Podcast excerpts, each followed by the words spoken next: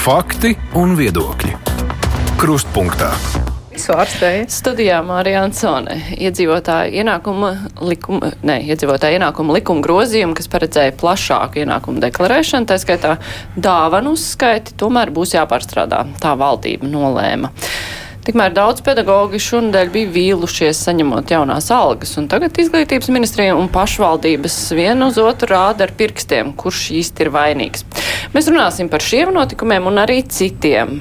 Es uh, pastāstīšu par mūsu studijas viesiem. Sarmita Kolāte, Latvijas radioproducente, ir šodien kopā ar mums. Kārlis Arājs no portāla Delfa redaktors. Sveiki!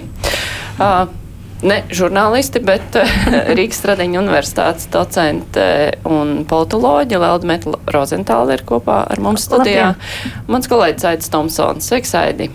Sveiki, Māri! Jā, es sākšu ar skolotājiem. Uh, jo nu, skolotāji, tīpaši ņemot vērā, ka tika solīts, ka būs algu pārmaiņas, visi gaidīja kaut ko labu pēc lielā algu, ne pēc lielā cenu kāpuma.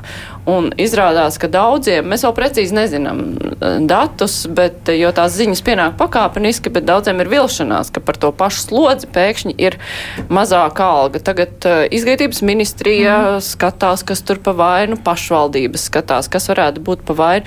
Bet uh, nu, kādai ir jābūt tai, tai reakcijai no valsts puses, no pašvaldību puses eh, nu, šajā situācijā? Mēs meklējam vainīgos vai, vai ko mm, mēs darām? Sākumā viņiem būtu pie pirmās šādas informācijas publiskajā jāsaka, ka at, mēs atvainojamies, ka tā notika un jāmeklē risinājums. Nevis uh -huh. jāmeklē tos vainīgos, pēc tam laiks būs vienmēr atrast.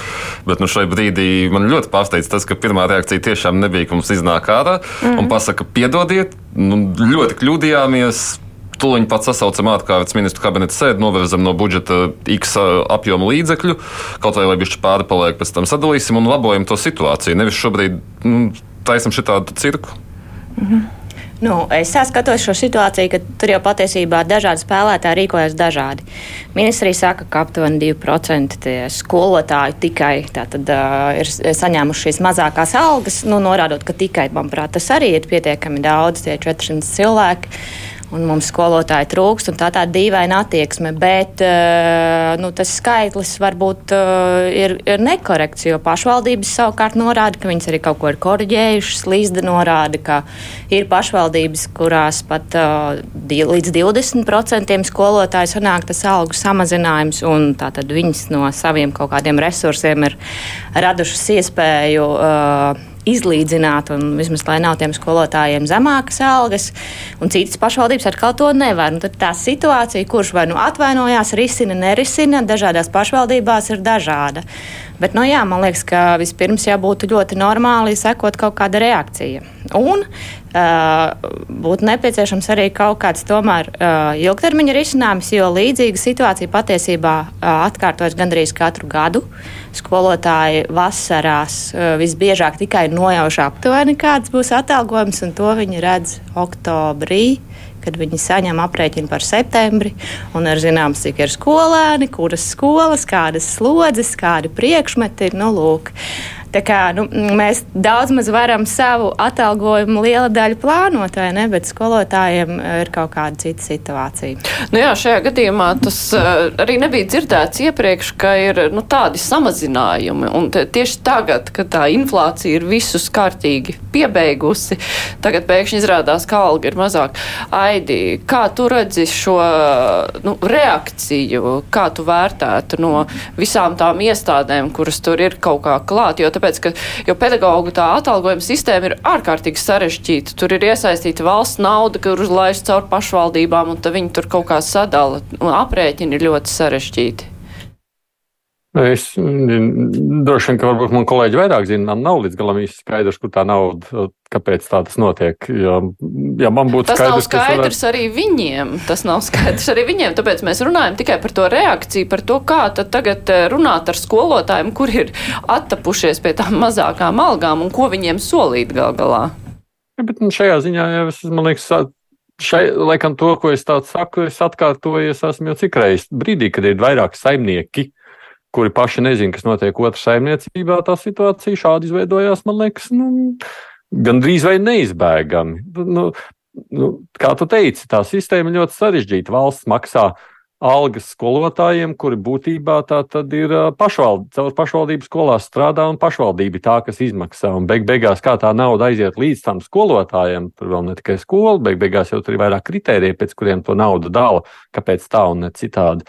No nu, tad mēs nonākam pie tā, pie kā mēs esam nonākuši. Man šķiet, ka ka tā nepieciešamība beig, beigās saprast, kurš ir saimnieks, nu, būtu ļoti svarīga. Nu, galu galā, nu, ja, ja valsts šādā ziņā netiek, nu, tad uztic visu savu maku pašvaldībām, lai pašvaldības maksā savām skolām, tad ir pilnībā, vai arī pašvaldības atdod skolas skolā valstī. Nu, man nepatīk vispār ideja, kad ir divi saimnieki.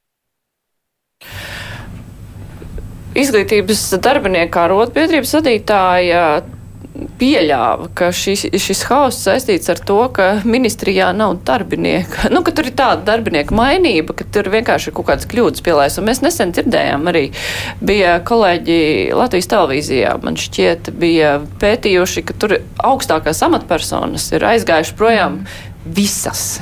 Vienkārši visas, un tad bija arī jautājums uh, premjerei. Nu, vai tur kaut kā nevajag to visu risināt, jo tāpēc, ka bija arī apņemšanās, ka mēs tās skolotāju algu jautājumu tagad kārtosim. Un uh, premjera teica, nu, pagaidām jau nekas neliecina, ka tur ir uh, kaut kas nenotiks. Vai tā var gaidīt, kamēr kaut kas nenotiks? Vai šis ir tas, kas varbūt ir noticis? Kā tagad rīkoties tā no valdības puses? Nē, nu es domāju, ka uh, attaisnot to tikai ar to, ka teiksim, ministrijā trūks darbinieki, nu, tādā gadījumā par to ir daudz skaļāk ministrijas vadībai jārunā. Jo nav jau tā, ka nu, tā ļoti skaļi publiskajā telpā būtu izskanējis, ka ir iestājusies krīze izglītības ne, ministrijā, ka nav kas tāds. Jā, bija, jā, jā, tieši tā, tieši tā. Tāpēc es domāju, ka uz šo norakstīt diez vai to varētu šo kļūdu. Uh, es saprotu, kā jau kolēģi teica, tā aprēķina sistēma ir sarežģīta. Un no vienas puses vairāk kārt tika uzsvērts, ka šī reforma ir ar mērķi pieaudzēt zemāko algas likmi skolotājiem. Bet, protams, ka nu, reforma nedrīkst pasliktināt kāda cita skolotāja kvalitāti, kas, uh, dzīves kvalitāti, kas jau pirms tam ir saņēmis salīdzinoši augstāku, protams, samaksu. Jo šobrīd, acīm redzot, stāsts ir vairāk par tiem skolotājiem, uh, kas agrāk varēja strādāt vairāk kontaktstundas, un šobrīd tas kontaktstundu skaits tam maksimumam ir ierobežots. Un mēs zinām, ka, teiksim, skolotāji tiešām, lai sapelnītu kaut cik cilvēku cienīgu atalgojumu, kā viņi saka, izvēlējās strādāt ļoti, ļoti daudz kontaktstundas. Protams, mēs zinām, ka nu, cilvēkam tā cilvēciskā kapacitāte arī ir ierobežota, un mēs varam teikt, ka skolotāja iespējams uh, laimīguma pakāpe vai spēja iedvesmot skolēnu ir saistīta ar to, vai viņš ir nenormāli pārstrādājies vai nu, kaut kā racionāli sabalansēta šī slodze ir, bet no otras puses ir saprotams, ka tas ir elementārs izdzīvošanas jautājums, ir īpaši lielākās pilsētās, kur varbūt skolotājiem nav savs dārziņš vai nav iespējas kaut kā piepelnīt nu, ar kaut kādu uh, citiem, uh, citos veidos to naudiņu, uh, tad, tad viņam ir nepieciešams šis maksimālās, nu, teiksim, ļoti daudzās kontaktstundas, kas šobrīd vairs nav iespējams, un līdz ar to automātiski šiem skolotājiem tas atalgojums ir sarucis. Tas nav pareizi. Es domāju, ka reformas aprēķinam ir jābūt balstītam uz esošo to um, finansiālo stāvokli, kas katram skolotājam jau tiek nodrošināts. Un neatkarīgi vai, vai tu esi tajā labākajā galā, kuram ir lielāka alga, vai tajā zemākajā galā, viņiem visiem vai nu reformas rezultātā vai nu paliek tā, kā ir, vai pieaug. Nevar būt situācija, ka kaut ko mēs tur tā sareformējam, ka beigās, nu, jā, piedod, agrāk tu varēji nopelnīt vairāk, tagad, tagad būs mazāk. Nu, mm. Tas ir pret jebkādu labu pārvaldību, un tā nedara. Jo tas ir arī tāds elementārs tiesiskās paļāvības princips, ka cilvēks nu, rēķinās ar to, ko viņš ir sastrādājis, ka par to viņš līdz šim ir saņēmis kaut kādu zināmu summu, un tagad tā vienkārši čiks izrādās mazāk. Nu, tas ir patiesībā traģiski, es domāju, arī ģimenes budžetam. Bet nu, izglītības ministrijā visu laiku kaut kas notiek. Tas atspēlēsies uz Antu Čakšu. Tad man grūti pateikt, nu es pieņemu, ka ir ļoti grūti vadīt kuģi, kurā tev nav, nu, te, kurā tu nepazīsti teiksim, savus vispārējo personālu. Un, ja tas personāls tiešām nu, ir tik strauji nomainījies, un viss arī tā pieredze tieši ministrijas līmenī nevar būt tik augsta, un nav, zinā, nav visas tās aprobētās sistēmas un vispārējais tās iestrādes, kas zināmā brīdī var būt arī pozitīvi, ka arī kaut kas sliktais varbūt no tā iziet, bet arī ļoti daudz pozitīvie tie darba tikumi, teiksim, tā viņi pazūd, un tas vienkārši nozīmē to, ka viņi būs tāda lēnāka, stagnējošāka līdz ieskriesies. Un, nu, es teiktu, ka nu, pirmie divi gadi man, domāju, būs tas ieskriešanās laiks, pēc kura mēs varam sākt domāt par kaut ko. Bet mēs šobrīd citu domu, ko es gribēju piebilst, tad man klausos, ko kolēģi runā, man liekas, vienkārši ļoti bēdīgi, ka mums ir jāsaka, ka skolotājiem jāpelna cilvēkcienīga alga. Nu, man šķiet, mm. ka mēs 2023. gadā mums šim te nevajadzētu būt atziņai Latvijas rādio, šim te būtu jābūt iekaltam budžeta, mm. plānojot budžetu un veidojot visu. Jo, nu, tas vienkārši šķiet skumji. Nu jā, nu tas ir tā, mm. tas, par ko visu laiku ar arotbiedrību var cīnās. Ar Bet, ministri. man liekas, tā zināma maza laba lietiņa bija tā, ka šodien uz šo problēmu no rīta, ka tas, kā tas tā situācija reforma ir notikusi, ka tas nav pareizi, norādīja arī valsts prezidents. Un diezgan tā, nu, konkrēti savā intervijā nosaucot ministriju un ministri un pasakot, ka šāda te, nu, šāds te reformas rezultāts nav, nav labais stils. Un es domāju, ka nu, tas, protams, ka liek arī nedaudz kā politiskajai elitei vai konkrētajam ministram, nu, vismaz tā sarauties, jo, ja prezidents norāda, nu, tas liek aizdomāties. Nu jā, bet uh, ministri arī ir aizmugure uh, sava partija, kas vada valdību. nu, nu, protams, bet nu, viss jau krājās pa pilītei, pa pilītei. Un, un, un, teiksim, mēs jau partija arī vienmēr domā par to savu kopējo reputāciju. Tāpēc es domāju, ka katrs, eh, ir īpaši šie pamanāmākie politiķi, jau nu, cīnās par to, lai tie mīnusiņi nekrātos tik daudz. Es gan lūkoties uz nu, to ministras performanci un kā viņa izskatās uz visu ministru fona, jāatcerās, ka viņa jaunajā vienotībā ir ienācēja. Un redzot vispār, kā jaunā vienotība komunicē par saviem politiķiem, liekas, ka nu, uh, Anda Čakša nav tajā pietuvināto pulciņā. Un varbūt nu, uh, viņa varētu arī nesagaidīt tādu nezinu, drau, drauga pleca vai atbalstu, kā tas ir ar citiem ministriem. Nu, vairāk, vairāki fakti par to liecina, tā, tā mm, tas arī jāpieņem. Bet, bet uh, tas fakts, ka tur tik liela to mm. kadru mainība, tam ir jāpievērš uzmanība. Jo, nu, Anda Čakša teica, ka viņa nebaidoties no tā, ka nāk jauni mm. cilvēki. Viņa to pieņēma, nu, ka tas ir tā labi, bet šajā gadījumā, nu, vai tas nav tomēr kaut kāds signāls, Jā. ka ministrijā tik daudzas amatpersonas. Man liekas, ka tas ir arī Andris Čakšs darbības stils, jo viņi tā strādās arī iepriekš, iepriekšā ministrijā, un arī tur ir bijuši šīs te kadru mainība. Vai tas ir tik, vai, tas, vai tā ir tā kā sakritība, es šaubos. Uh, Vienīgi es redzu, ka šie ierēģi, kas tagad ir nomainījušies, runa ir par pēdējiem mēnešiem, un šī reforma, kas tātad, un tie, šie nepareizie aprēķini, kas ir tapuši, tātad varētu būt izstrādāti jau tā teikt iepriekšējā mācību gadā, un kāds tad iepriekš ir kļūdījies, un šobrīd nav neviens, kas varētu varbūt to risināt par to, ka ministrijā trūkst cilvēku. Jā, daudz kas to uzrāda. Mēs paši arī bieži redzamā ģimenes studijā aicinot cilvēkus no izglītības ministrijas ministrijas beigās saprotam, ka nav neviens, kas var atnākt. Nu, iespējams, ka tur ir saistība, jā, ka, ka nav vienkārši cilvēki. Jā. jā, to es gribētu piebilst, ka ir tā, ka uh, patiesībā ministrijā strādāt, nu, piemēram, runājot kaut vai par ekonomikas ministriju vai par enerģētikas ministriju, tas gandrīz ir, vai, ja tev nav ģimenes un bērnu un tu vari tādu 24 stundas veltīt darbam, tad, uh, nu, tad tu vari paspēt izdarīt to, ko no tevis gaida, bet ja tev ir kaut kādas tās blakus lietas, un es pieļauju, ka iespējams šis brīdis, nu,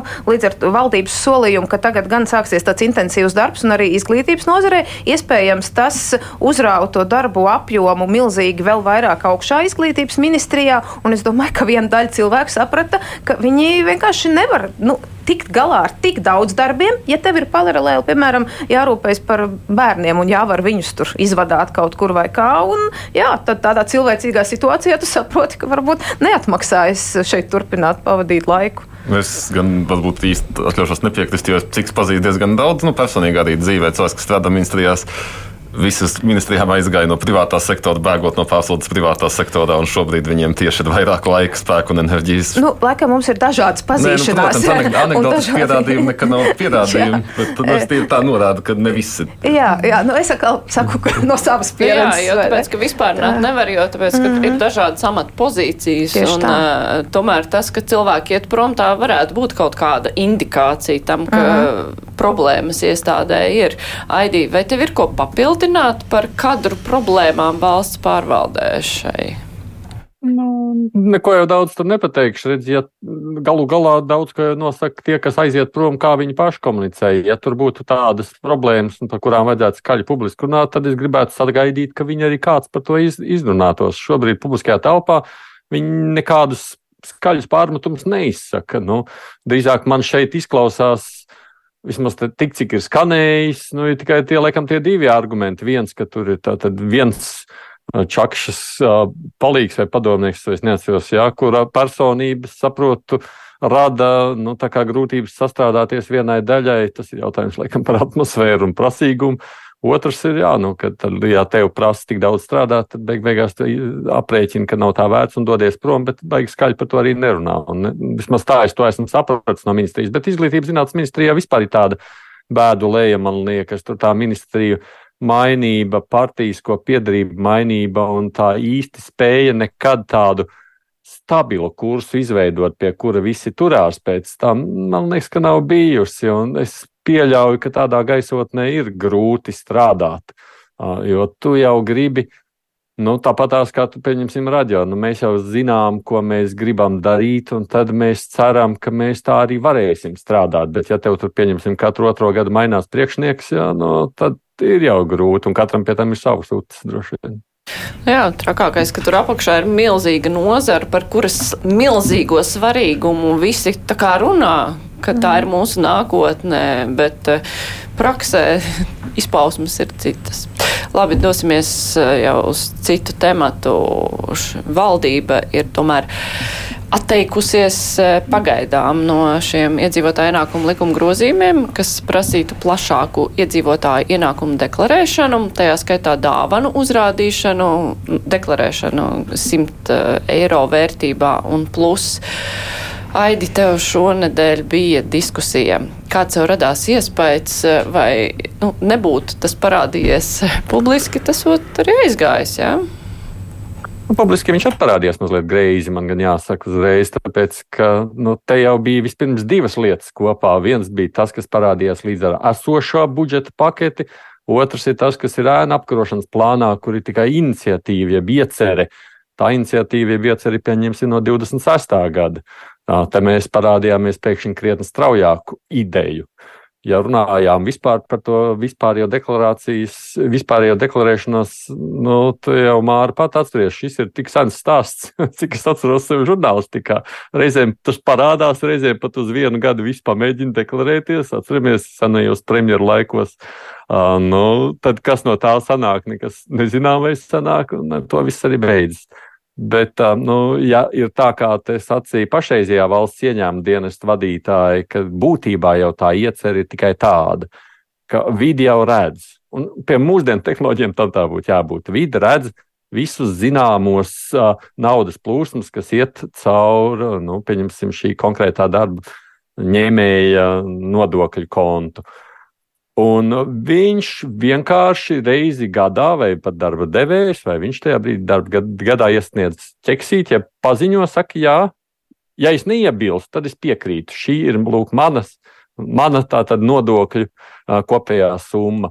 Un tikai tad, ja tur patiešām notiek kaut kas, ko nu, kurā acīm redzot, pietiekoši liels uh, skaidrs naudas grozās, par kurām vidi nezina. Tikai tad viņam tas ir jāapliecina, jo, ja gadījumā tā informācija pēc tam nonāk, nu, lūk, tad sākas problēmas.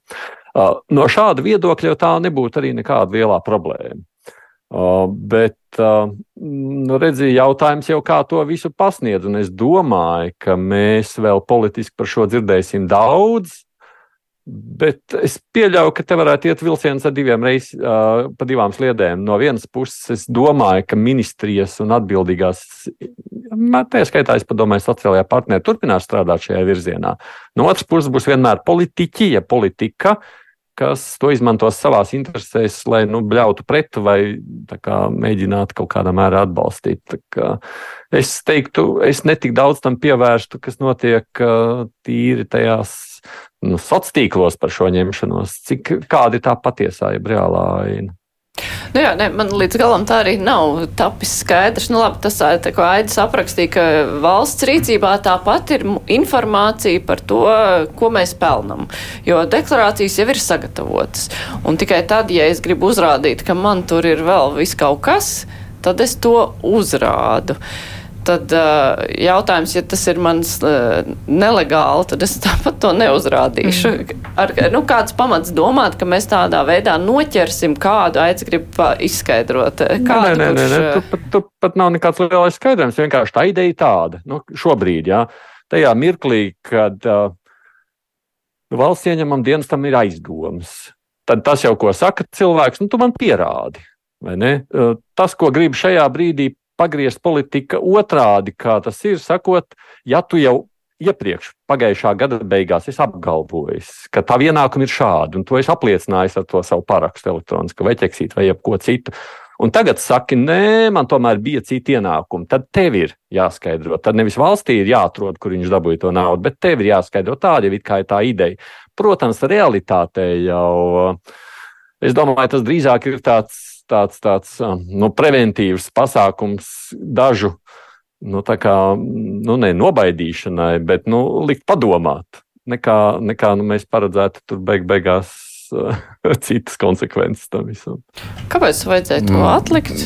Nu, atlikt es nevaru es pateikt tikai to, ka šis izskatās pēc ļoti tipiska Latvijas gājiena kārtējā, kur mēs mēģinām it kā risināt, mums vajag nodokļus viss, bet mēs to risinām atžgāvi. Mēs uh, ķeramies klāt tomēr vairāk iedzīvotājiem, nevis risinām to, kā, kas polijas piemērs, kur pirms vairāk kā 20 gadiem pacēla ļoti smagus sodus par korupciju, sasēdināja diezgan daudzus uzņēmumu vadītājus ar reāliem cietumsodiem, viņiem būtiski samazinājās korupcija.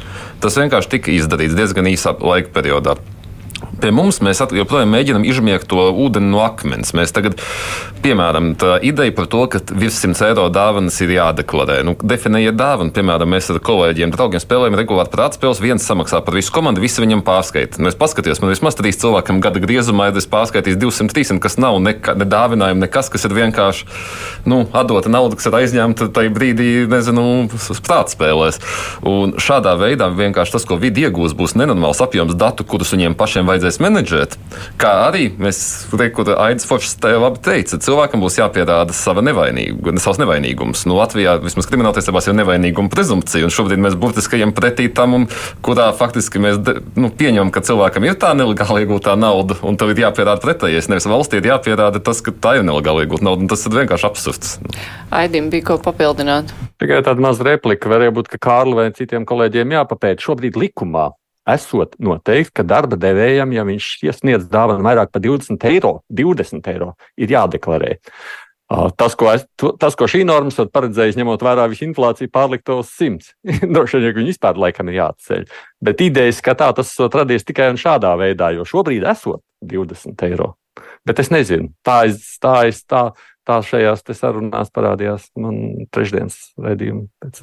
Bet nu, tas tālākais risinājums, tad tur ir skaidrošanas jautājums atkal. Mm -hmm. Skaidrošana vajadzīga vai tomēr? Es vispār nezinu, vai tieši šāds priekšlikums ir, jo, jo no tās, tās informācijas, kas izskanējas publiski, netop skaidrs, vai pati ideja par sevi ir slikta. Slikti ir tas, ka, nu, ka tas ir negrib, jā, jā, negrib apgrūtināt visi. cilvēkus, un viņiem varbūt būs, būs grūti, bet tā doma doma par to, ka nu, 100 eiro dāvanas mums būs kaut kā, nu, nezinu, jālegalizē, nu, vai tad viņas ir nelegālas. Es tagad iztēlojos, piemēram, uh, izplatīts viedoklis, cilvēki rīko kāzas, ja, un tad parasti pārim uz kāzām ļoti bieži tā dāvana ir 100 eiro. Ja, no ģimenes esmu dzirdējis, ka tāds viedoklis ir. Tad es tā vienkārši iztēlojos, cilvēki apprecās, viņam jau tā tās pasas iespējams ir jāmaina divās dienās vai 14 un jātiek uz, uz to iestādi. Un tad vēl ir tāda ļoti gara deklarācija par visām tām dāvanām. Personas kodiem. nu, jā, un visbiežāk jā, šajā gadījumā cietīs cilvēki vai kļūdīsies vai aizmirsīs, kuri neko nelegāli nav darījuši un kur tiešām ir saņēmuši šīs dāvanas, bet cilvēki, kur saņem nelegāls ienākums, viņi jau zina, ka viņiem ir jāpasako, lai nekur neuzrādās un, kaut, un, un, un jāpērk viss, nezinu, nezinu, kā viņi to dara, visas tās sistēmas, bet, nu jā, šajā gadījumā cietīs vai, piemēram, es aizmirsu, ka man kāds kaut ko uzdāvināja un nu, tad beigās man tur pietrūkst 100 eiro. Ļoti tipisks varētu aizmirst. Vai, nu, jā. Tad uh, tie ir atkal notikusi kaut kāda maldīšanās trijās priedēs. Gribam vienu, izdarām citu un nemākam to izstāstīt cilvēkiem. Nu jā, protams, jautājums ir, vai šis eh, tieši šādā veidā patiešām mēs varētu izskaust eh, kaut kādu nu, melno naudu vai nelegālo naudu. Jo, protams, ka viņas klātbūtne ir. Tad, kad mēs ik pa laikam, nezinu, redzam veikalā cilvēkus, kuri norēķinās tikai par lieliem pirkumiem skaidrā naudā un makā, viņam ir milzīgs čupas, un, un tad tu saproti, ka, nu, diez vai viņš viņu visu ir izņēmis no bankomāta tikko vai ne. Eh, un tad rodas jautājums, kur tā skaidrā nauda tik daudz kursē. Bet, nu, mēs zinām, arī Lemberkungs teica, ka viņš tikai ir skaidri naudu norēķinās. Tā kā acīm redzot, ir dažādi cilvēki un dažādas prakses. Man eh, tādi pazīstami ekonomisti saka, ka vajadzētu uzlikt ļoti lielu, nu, ļoti mazu limitu, cik vispār drīkst maksāt skaidrā naudā līdz kādai summai veikalos par precēm, un vajadzētu likt tikai ar pārskaitījumu maksāt. Un tad ļoti labi varētu saprast un jautāt, no kurienes jums tā nauda nāk, ja jūsu deklarācijā viņa nav vai nekur neparādās, un kur jūs tā pēkšņi tos tūkstoši, tūkstoši dabūjiet. Bet eh, nu, no otras puses, eh, šeit acīm redzot, redzot, bija kā bieži vien tas Latvijā ir, ka mēs izdomājam it kā varbūt tādu konceptuālu labu risinājumu, nu, iespējams labu, eh, bet eh, mēs neizdomājam un neaprakstam to procesu, piemēram, kā ieņēmumu dienas tīri praktiski tagad tiks galā ar visām tantēm, saka, no, no, no reģioniem, kas ir cienījamā vecumā un kas tiešām nu, varbūt pat nelieto nekādas elektroniskās ierīces. Tālāk, kā tas tīri praktiski notiks, lai šis cilvēks nekļūtu par uh, likuma pārkāpēju uzreiz vai ne? Uh, un kā vispār novadīt šo informāciju līdz šai tantei rankā, ka viņai pēkšņi kaut kas ir jādeklarē, viņa cilvēks vispār neko nezina. Nu, lūk, tad, tad šo te procesu tas īsti, man liekas, nebija izrunāts un saprasts saprasts. Tad tas jau novestu pie tā, ka uz papīra jau būtu tas lēmums, bet tad, kad viņš būtu jāsāk realizēt dzīvē, tad būtu jautājums, ah, kurš tagad kā, tagad kā tos rindas un visu pārējo sakārtot. Aidi. Nē, es esmu pārliecināts, ka šobrīd to ieviest pilnīgi noteikti nevarēja. Tas, ka tas bija jāceļ šajā gadā, pat tur nekādu šaubu nav. Tur patiešām, plus, kā jau teicu, notiks maldīšanās vēl trīs priedēs. Un, Un izveidojusies tāda interpretācija, kas vienkārši liekas sārprāts, vai ne? Tāpēc, ja viss cepjas par tām dāvanām par 100 eiro, tad nav nekāds jēgas, absolūti nekāds jēgas, vai ne? Par to jau šauba nav. Tas, ka to vienkārši var izdarīt, ja grib, ja tiešām uzskata, ka pie pašreizējās ēna ekonomikas nu, mums ir pietiekoši liela, var pacelt to, nu, to slieksni, kuriem ir jādeklarējās. Ja kāds ir tavs gada ienākums, kurā tev vajag norādīt nu, to savu deklarāciju.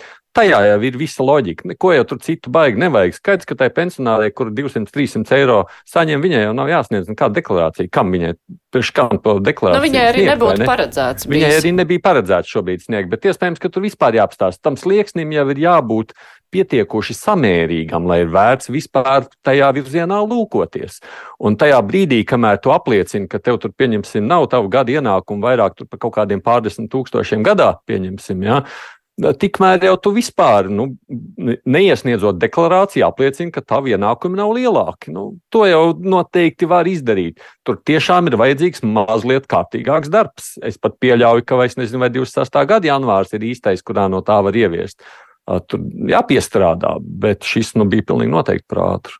Nu jā, tas, ko Aita saka, tas tā mm. izklausās racionāli, tīpaši ņemot vērā tas datu daudzums, kas tiktu savākts, mm. ja visi iesniegtās deklarācijas un dāvanas uzskaitītu, mm. kurš to visu vispār spētu izskatīt. Mēs zinām, ka pat amatpersonas tiek izlases kārtībā pārbaudītas. Kur tad mm. nu vēl visi tie daudzie cilvēki?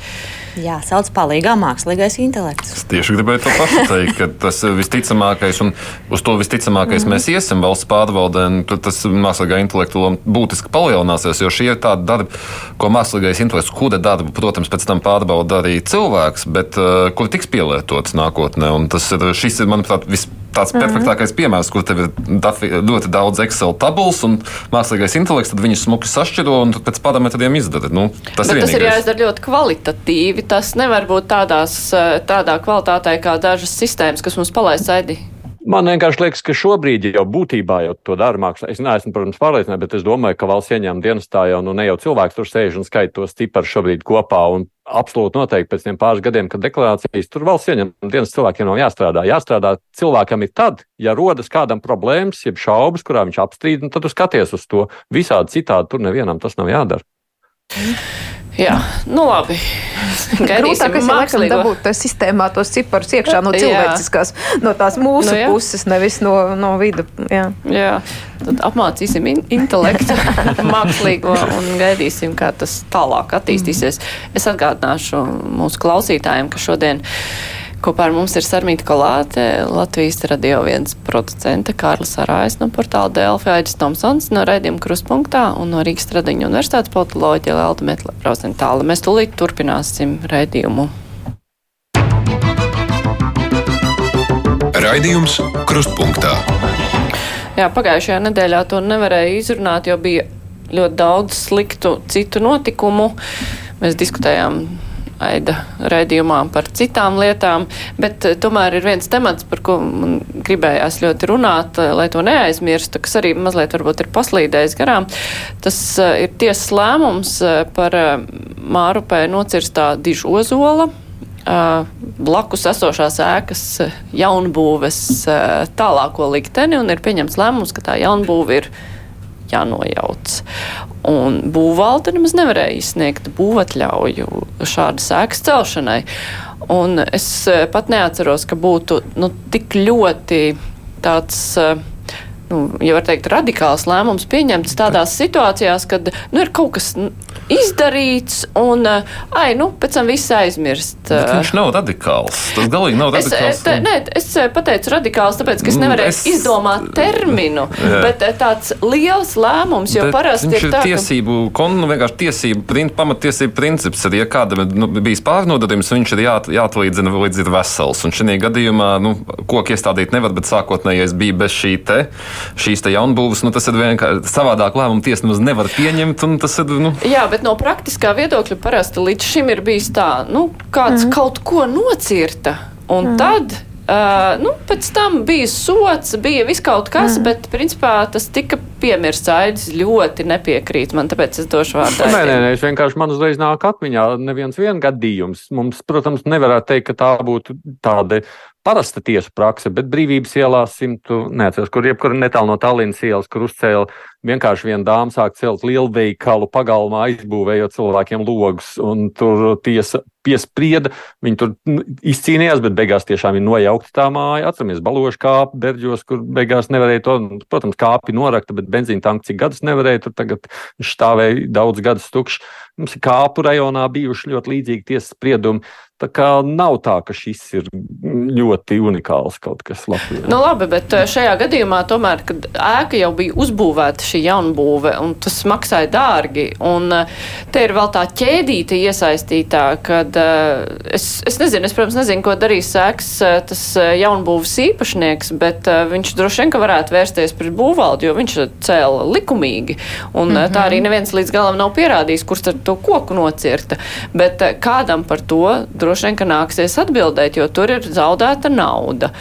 Šajā gadījumā tas pirmais jautājums ir, vai tas atsitīs vēlmi nu, vēl kaut ko nu, nodedzināt nejauši, protams, nejauši, ne jau pa īstam, un eh, es jau to nedarīju, bet kāds mm -hmm deklasēts elements, nodedzina kādu vēstures pieminekli vai nocērt kādu koku, arī kāds sliktais cilvēks.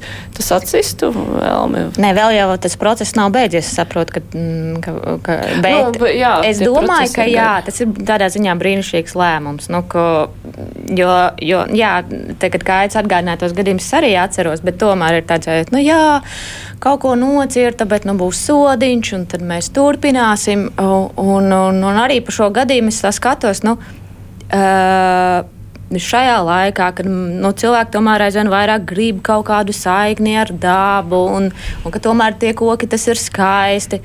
Un šādā situācijā, piemēram, vairākus gadus centrā tērba cielā cēla jaunu būvi, kur atstāja pa vidu kaut kādu lielu ozolu, un viņi savā tajā mārketingā arī to akcentēja. Nāciet pirkt dzīvokļus pie mājas ar veco ozolu, te būs tik skaisti, un viņi tur kaut kā viņi ir uh, atstājuši. Tas taču, manuprāt, ir tieši kā nu, pievienotā vērtība nekustamā īpašuma, kas tiem cilvēkiem ir galvās, domājot par to, ka šādu skaistu ozolu, nu labi, ja tās būtu papeles vai kaut kas, kas vienmēr rada problēmas, tur varētu domāt, vai kaut kāds tur, nezinu, kaut kas neglīts, bet šajā gadījumā tas ir skaists koks, liels, eh, rada noēnojumu un citas pozitīvas lietas. Kāpēc ir jāiedomājās, ka tas ir traucēklis? Tas tieši otrādi, tu vari pārdot dārgāk dzīvokli ar skatu šī ozola pēnā. Mm -hmm. nu, es, protams, uzreiz varu iedomāties politiķus un politiskās partijas, kuras tagad nu, nostātos un man teiktu, mūsu ekonomika brūk, un jūs te tagad dēļ viena koka vai ķērpja vai puķis aizsargājams te graujiet ekonomiku un nojauciet mājas, un tāpēc jau mēs te Latvijā esam tik sliktā stāvoklī. Nu, tāds, tā, man tāds vizuāls tēls jau ir priekšā, bet es teiktu, ka nē, man arī šis lēmums ļoti patīk, jo patiesībā šajā te tieši tādā nihilistiskā sabiedrībā, kā mēs dzīvojam, ai, kas tad tur viens ķērpis, viena puķa, vēl kaut kas. Nu, nu kā, nu ir kaut kādas vērtības, par ko mēs esam kā civilizēta sabiedrība vienojušies. Un ja mēs esam vienojušies, ka dižozols ir dižozols, ko mēs aizsargājam, nu, tad nevar būt tā, ka nu, mans bizness ir pāri jebkādām citām kopējām sabiedrības vērtībām. Un tāpēc es, es domāju, ka cerams, ka šis lēmums tāds arī līdz galam tiks novests un uh, tur neizdosies kaut kā citādāk viņu sakārtot. Un, uh, nu, tas būtu tāds labs signāls, ka, nu, zin kā, nu, nav tā, ka visu var sarunāt mūsu valstī, ka visu var uh, nopirkt, ka, nu, samaksājam sodiņu un dzīvojam tālāk un taisam biznesu un aizmirstam par to koku. Nu, nē, nu, tad piedod, ja tu rēķinājies, ka viss tur tā sakārtosies un visu varēs nopirkt, nu, tad tāpat tagad nojauc to māju un cel viņu citā vietā. Nu, es jau pēc tam, kad runājām par vidu, es teicu, es esmu ļoti liels proponents bargiem sodiem, kā tādam, mm -hmm. kā konceptam, ka jo sodam ir jākalpo ne tikai resocializācijai un kam, bet arī pārējai sabiedrībai, lai saprastu sekas.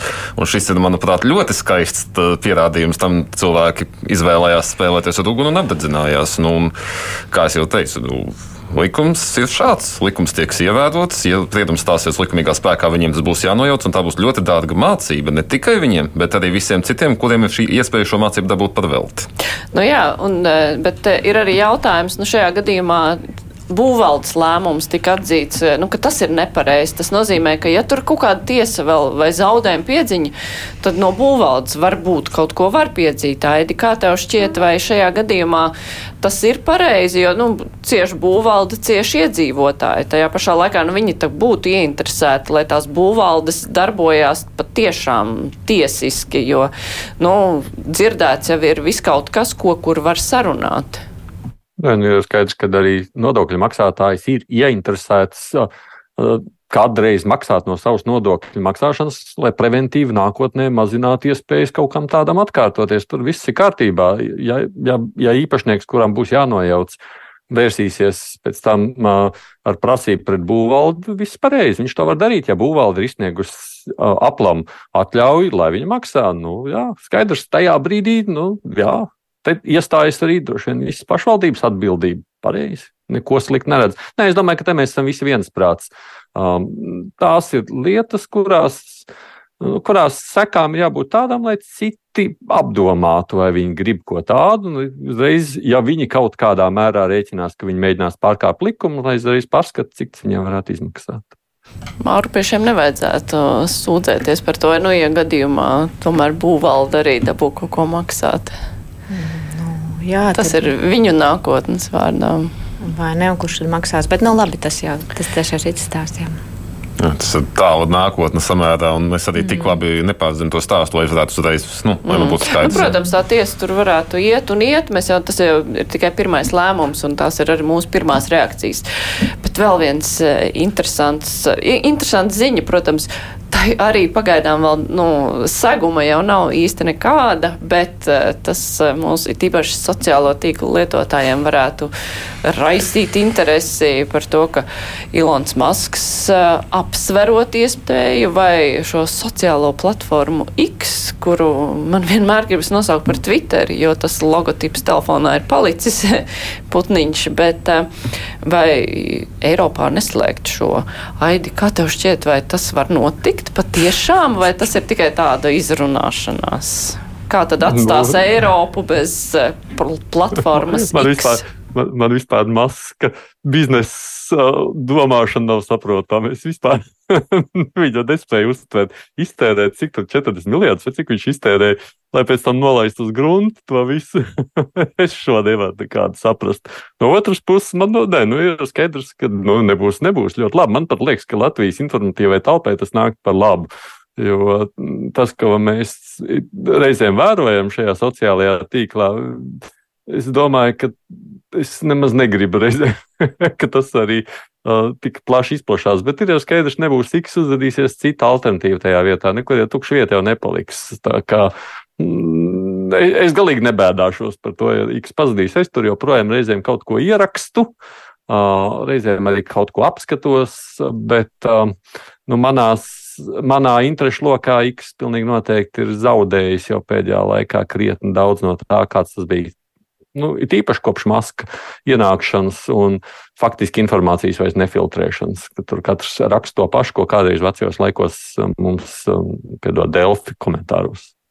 Nu jā, jo tas eh, jautājums, eh, nu, ka var kāds nākt vietā, noteikti kāds nāks vietā, bet tas arī nenotiek vienā dienā, jo pie tādiem milzīgajām platformām tur jau vajag savākt tos cilvēkus, un tur noteikti arī daudzi gribētu kādu savu platforma, ar kur pēc tam var labi mm. nopelnīt, un tur konkurence varētu būt. Sākumā jāsaprot, kāpēc viņš to grib darīt, kas ir saistīts ar to Eiropas teikt, lūgumu labāk kontrolēt radikālu un jebkādu veidu citu saturu, kura, pret kuru viņš iebilda. Bet te atkal patiesībā ļoti interesanti. Man personīgais stāsts bija, kad es biju ielicis vienu screenshot no vienas telegramu grupas, nu, tāda, kā, nu, pat, no darba epizodes, un man tieši atsaucoties uz šo Eiropas padomu, uz šo Eiropas lūgumu, viņu Latvijā aizliedz rādīt es iesniedzu apelāciju un uh, atguvu iespēju to, bet varēja redzēt, ka viņi reaģē tomēr uz šo diezgan ļoti. Jo tirgus ir ļoti liels, to zaudēt viņam nebūtu izdevīgi. Tas, ka kāds atnāks vietā, protams, Facebook, tad redzes visticamākais ir Eiropa izdosies sarunāt. Es nezinu, kā viņiem tas izdodas, jo sen jau nevajadzētu, jo mm. datus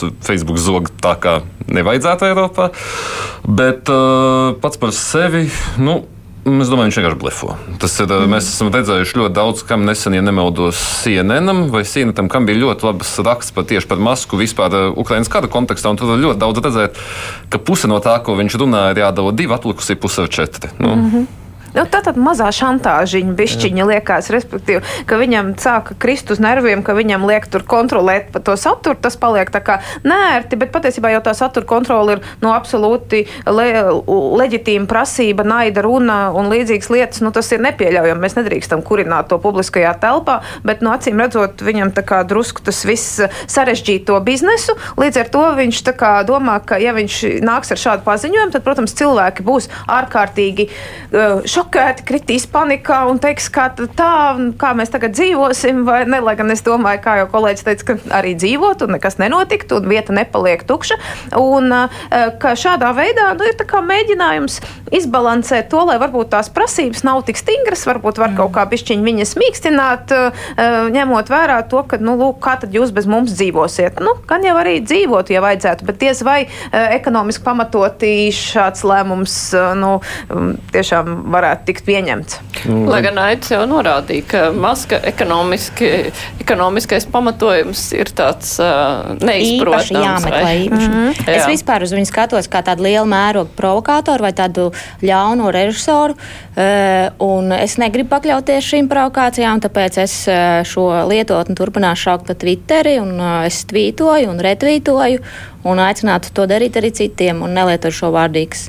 Bet tā tāda man, mans politiskais paziņojums. Bet, eh, bet eh, nu, Masks jau vairāk kārt ir nācis klajā ar kaut, kādām, eh, kaut kādiem paziņojumiem par to, kā viņš reformēs Twitter, un tas nenotiek beigās. Tā kā, nu, tas jāņem vērā.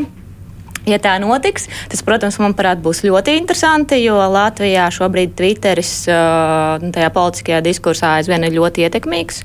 Ministri paziņo par demisiju, ministri savā starpā sarunājās tā, par to pašu iedzīvotāju ienākumu nodokli. Evika Siliņa Twitterī paziņoja, ka mēs viņu atceļam šīs pārmaiņas. Ja.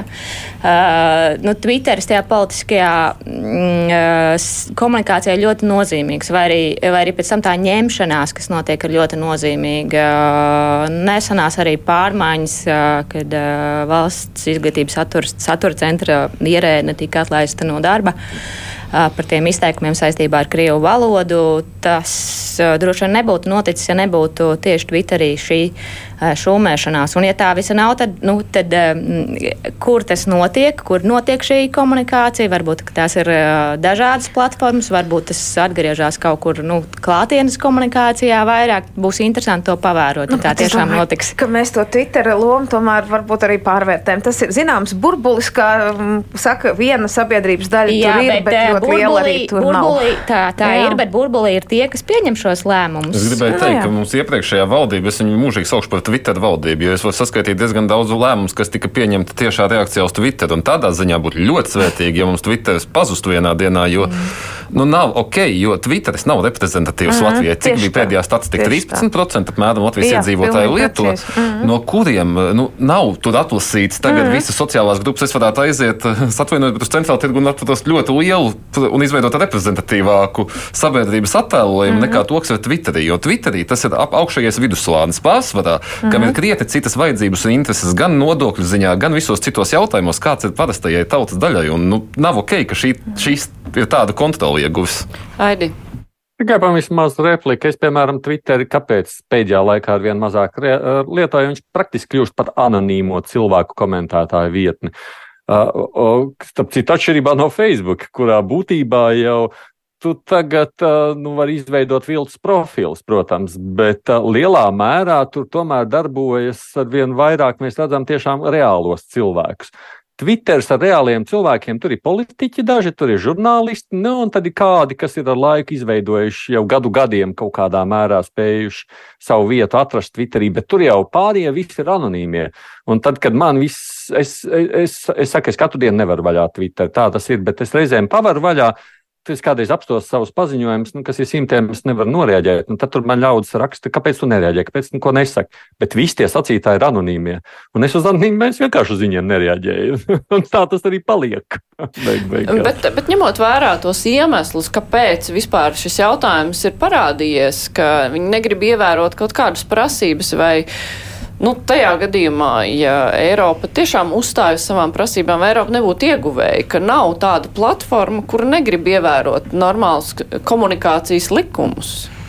Jā, nu es domāju, vispār mēs taču nevaram būt atkarīgi no viena privāta biznesa, mm -hmm. kaut kādas iedomātas, nu, savu vēlamā tā biznesa modeļa. Nu, uh, faktiski tā, tā jau tiešām ir tad, uh, tāda neveselīga atkarība, nu, kurā mēs. Tā pierādīja Ukraina, kad viņš jā. izjauca Ukrainas spēcoperāciju, mm atvērtot Starlinku vienkārši. Viņš izjauca Ukrainai plānot mhm. pretuzbrukuma operāciju, izmantojot zemūdens dronus, jo viņš atlaiž Starlinku tajā reģionā. Ja vienam mm -hmm. cilvēkam ir šāda ietekme uz karu, mm -hmm tad uh, man ir liels prieks, ka viņš izvēlējās rīkoties ar Eiropas Savienību. Jo Eiropas Savienība var patikt, var nepatikt. Bet to birokrātisko sienu neizkustinās neviens. Mm, un patiesībā jā, mēs tādā, kādās tādas manipulatīvās attiecībās esam ar, ar šo sociālo tīklu iekļuvuši. Nu, vardarbīgas attiecības. Vardarbīgas, jā, tādas atkarīgas attiecības, ka es, es pakļaujos tam, ko tu man teiksi, lai tikai tu te esi, vai ne? Jā, nu, tas tā. pēc būtības ir nepareizi. Aidi, kā tev šķiet, vai Eiropas informatīvā telpa un nu, vai tas būtu pluss, ja šāda platforma pazust? Jo mēs redzam to ietekmi, mēs jau runājam par to, kas Latvijā notiek, ka tomēr politiķi ietekmējas, notiek arī kaut kāda tur nu, uzbrukumi cilvēkiem, atsevišķiem par to, ko kurš ir pateicis, un cilvēki beigās baidās paust savu viedokli. Nu, varbūt tad nevajag. Tu sākumā te izteici personīgo prieku, ka varētu nebūt, bet vai tas arī tādā nu, varbūt tiešām ir jāmā, jāmācās veidot citādi politiku un nevis sociālajos tīklos to darīt.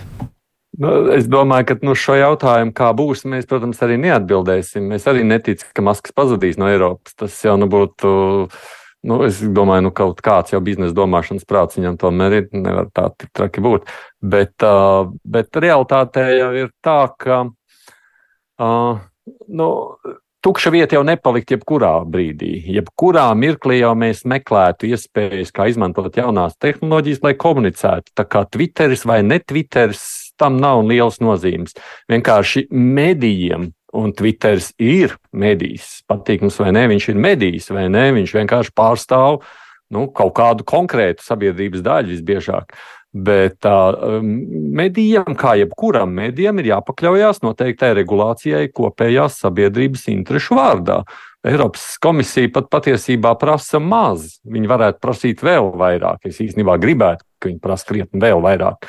Tam ir tā jābūt līdzīgi, kā mēs prasām no radio, un mēs redzam, cik daudz ļaužu neapmierināti ar to, ko pieņemsim dara tradicionālajie mediji.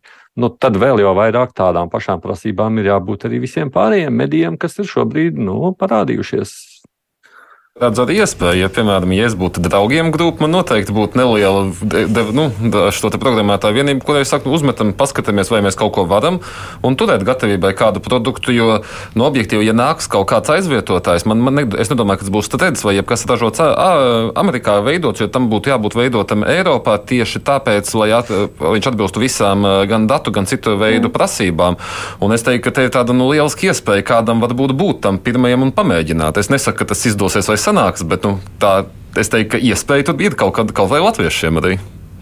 Bet eh, vai tādā jaunā platformā izdotos cīnīties par to komunikācijas tīrību, Sarmīt, kā tev šķiet, ievērot tos likumus, kurus eh, Masks negrib ievērot? Sākumā ir tāda noteikuma, tad atnāc uz šo platformu, nu, tu viņus pieņem. Mhm. Cits jautājums, vai tie atkal nevar mainīties, manoties īpašniekiem un tam līdzīgi. Bet, uh, nu, tas arī bija krietni savādāk pirms desmit gadiem, kāds nu, ir tagad. Un tad mm -hmm. bija savādāka komunikācija un viss. Nu, viss var mainīties. Mm -hmm. Jā, es domāju, nu, nav jau problēmas ar mūsdienu tehnoloģijām kontrolēt tos vēstījumus un saprast, protams, labi, ir jau kļūdas, nu, kā, kā kolēģis arī stāstīja, kad, vai kā citi ir teikuši, ka nu, tad, kad bijušo premjeru Kariņu vai nepieminēja, tad, tad uzreiz šis vārds tur ieliec kaut kādos algoritmos, bet citādāk, nu, es domāju, ka tā jau problēma nav uh, strādāt kaut kādu lik, likumu ietvaros. Nu, es domāju, ka tas vienkārši ir jāgrib un patiesībā ir, nav jau stāsts par to, ka mums vajadzētu tagad tagad atteikties no Twittera. Principā, ja viņi ir gatavi mm -hmm. strādāt uh, atbilstoši Eiropas Savienības regulējumam, Dieva dēļ strādājam, izmantojam un dzīvojam šajā platformā. Bet, mm. Ja nē, nu, tad piedodiet, nu, tad nē, ir kārtība. Vienalga, vai tas ir avīze, Twitter vai uh, ražošanas uzņēmums. Nu, katram ir likumi. Varētu Eh, tos eh, cilvēkus, kuri tātad, eh, tagad lēmumus pieņēma Twitterī, atkal atgriezties nu, tajās sarunās vecerīgā vai sarunās saimnes, vai saimnes kulāros, vai, nu, jā, agrāk bija vecerīgā runā, kā, jā. Nu, tad varbūt tas ir vai zaudārsā. Aidis gribēja teikt. Kulāros jau arī, protams, notiek sarunas. Visi jau saprot, ka Twitter vien neizmantos tādam nolūkam. Bet, nu, jā, turpinot vienkārši tas, ko saka Sarmīt, mums jau kā sabiedrībai Un politiķiem tajā pašā skaitā ir jāiemācās lietot un sadzīvot ar jaunajām tehnoloģijām. Es īstenībā brīnos, ir dažas partijas, man šķiet, piemēram, nu, vismaz savus atbalstītājus Nacionāla apvienība ļoti veiksmīgi spējusi izmantot Twitterī un nu, mobilizēt, lai vidītu savu, savu, savu to dienas kārtību. Tajā pašā laikā nu, ir partijas, kuras pat šķiet it kā veiksmīgi darbojas ar jaunajām tehnoloģijām, progresīvie. Uh, Es, e, es reizēm brīnos, es domāju, kā tā var būt. Viņi tāda sajūta, ka viņi vispār nemāķi pēkšņi darboties tajā vidē. Tā kā nu, arī, arī, arī partijām ir jāiemācās sadzīvot ar jauno realitāti. Nu jā, bet mēs arī nezinām, vai tie daudzie anonīmie cilvēki, kas uh, troļo, vai aiz viņiem arī nav kāds politiskais spēks, kurš to veiksmīgi izmanto, bet nu, tas jau ir kaut kāds atsevišķi pētījuma vērts. Es saku paldies, Elde Metla Rozentāla bija kopā ar mums no Rīgas Tradiņu universitātes, Aidis Tomsons no Latvijas radio radījuma kruspunktā, arī Sarmīt Kolāt no Latvijas radio, bet ne radījuma kruspunktā, bet kalapā labāk dzīvot. Nē. Ģimenes, ģimenes studija piedod. Bet arī tas ir, lai labāk dzīvotu. Tieši tā. Kārlis Arājs no portāla Delfi. Uh, rīt Arnim Krausem būs laikmet kruspunktā par vidas aizsardzības kluba, prezidenta Arvīdu Ulme raidījums. Noteikti noklausieties, parasti ir interesanti viņam tie raidījumi. Savukārt mums pirmdien lielā intervija ar Rīgas Tehniskās universitātes rektoru Tāli Juhnu. Bet krustpunktā šodien un šonadēļ izskan raidījuma producente Ieva Zēza studijā bija Mārija Ansona. Visu labu! Mēs tiekamies arī pirmdien!